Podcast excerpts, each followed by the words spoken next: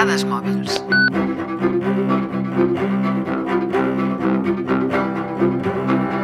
Jo no sé tu, però jo recordo de petit haver preguntat als meus pares en diverses ocasions com podien viure abans sense la tele. Avui en dia els meus fills, doncs ja us podeu imaginar que m'han preguntat moltes vegades que com podia viure sense internet, sense la xarxa, sense Google, sense, sense els mòbils, no? Què ens preguntaran els nostres nets o què preguntaran els nostres nets als seus pares, o sigui, els nostres fills? Perquè la tecnologia avança a un ritme imparable i cada vegada estem més connectats i immersos en ella. Quan et pares a pensar aleshores que destinem cada dia a revisar el mur de Facebook, a llegir tuits o a contestar missatges a WhatsApp, et poses les mans al cap. Però el futur segurament no tindrà res a veure. Els nostres nets no crec que facin res d'això. Almenys aquestes són les projeccions que fan els experts sobre les tecnologies que els nostres nets viuran com a normals i que nosaltres encara ens semblen de ciència-ficció. Telepatia basada en xarxes. Per uns resulta terrorífic, per altres fascinant. Sigui com sigui, ja existeix un sistema rudimentari que connecta dos cervells humans i que es va emprar en forma de videojoc a la Universitat de Washington. Si arribés a les nostres mans, o a les nostres ments, podríem enviar missatges només pensant quatre paraules o treballar amb un ordinador sense teclat ni mouse, només emetent senyals cerebrals. Hologrames. El cantant de rap Tupac va fer un concert en el que ell era un holograma. Segurament heu vist el vídeo, és un cas molt famós.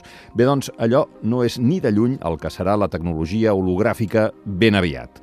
Els hologrames no seran projeccions de llum sobre un material, sinó que seran difusions de llum. No caldrà una pantalla per projectar, per, per dir-ho d'una altra manera. Això donarà pas a un nou tipus de publicitat. Per exemple, fins i tot és possible que els nostres nets visquin rodejats d'objectes quotidians que no seran reals, com despertadors o com plantes. Comunicació assistida per intel·ligència artificial. Aquesta tecnologia ja l'hem començat a veure en els nostres correus electrònics, on Gmail, per exemple, ens organitza els missatges per prioritat sense haver-los donat instruccions, tot basant-se en certs algoritmes. De vegades també ens suggereixen crear filtres d'espam si rebem massa correus d'un mateix emissor. El correu de Google fins i tot ha proposat de posar en marxa respostes automàtiques als e-mails, és possible que els nostres nets deixin de comunicar-se entre ells i siguin les màquines les que es comunicaran en nom d'ells perquè sabran el que respondrien en cada cas. Traducció simultània. Alguns experts vaticinen que en un futur no aprendrem idiomes, sinó que ens els implantaran amb un microxip. Bé, potser això ho veuran els nets dels nostres nets, però fins aleshores tindrem traducció simultània molt evolucionada. Ja hi ha algunes eh, aplicacions mòbils que comencen a fer-ho directament amb la veu. Només cal perfeccionar-ho una mica més. Els avantatges que això representa pel trencament de barreres lingüístiques són immensurables. Potser fins i tot podrem arribar a entendre a la nostra parella.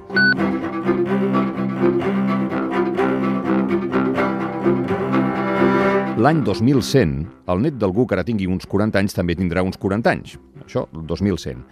A l'anterior Dades Mòbils vam intentar preveure quines tecnologies faríem servir, però, a banda de la qüestió tecnològica, en quin tipus de món viuran aquests nens?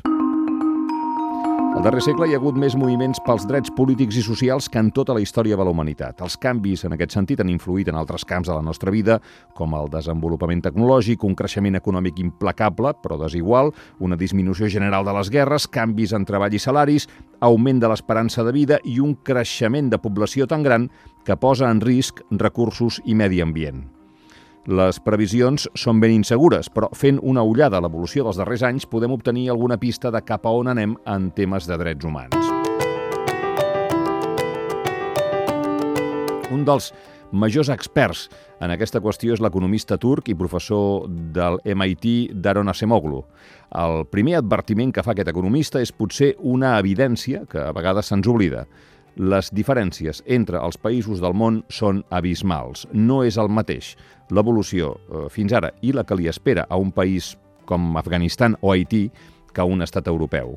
Però no pensem que per viure a Occident les coses estan més fàcils, ja que l'expansió dels drets civils i polítics a dia d'avui es troba amb moltes barreres dins dels mateixos països democràtics.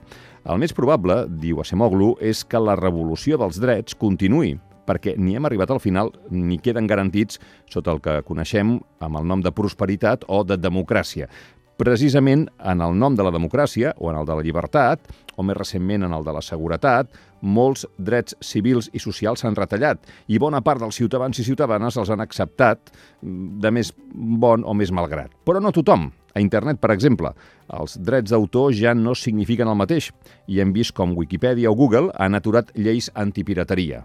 Acemoglu diu que la gent es comunicarà encara més. Alguns governs intentaran que això no triomfi i el resultat ningú el pot predir encara.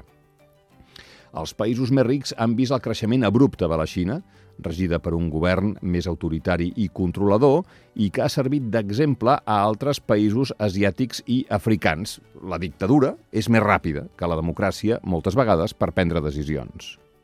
Pels que estan en el poder, això pot semblar temptador i pot causar un alentiment del desenvolupament dels drets humans. Calen milions de persones i el suport d'institucions per poder continuar avançant en la lluita pels nostres drets. La revolució ja no és a petita escala.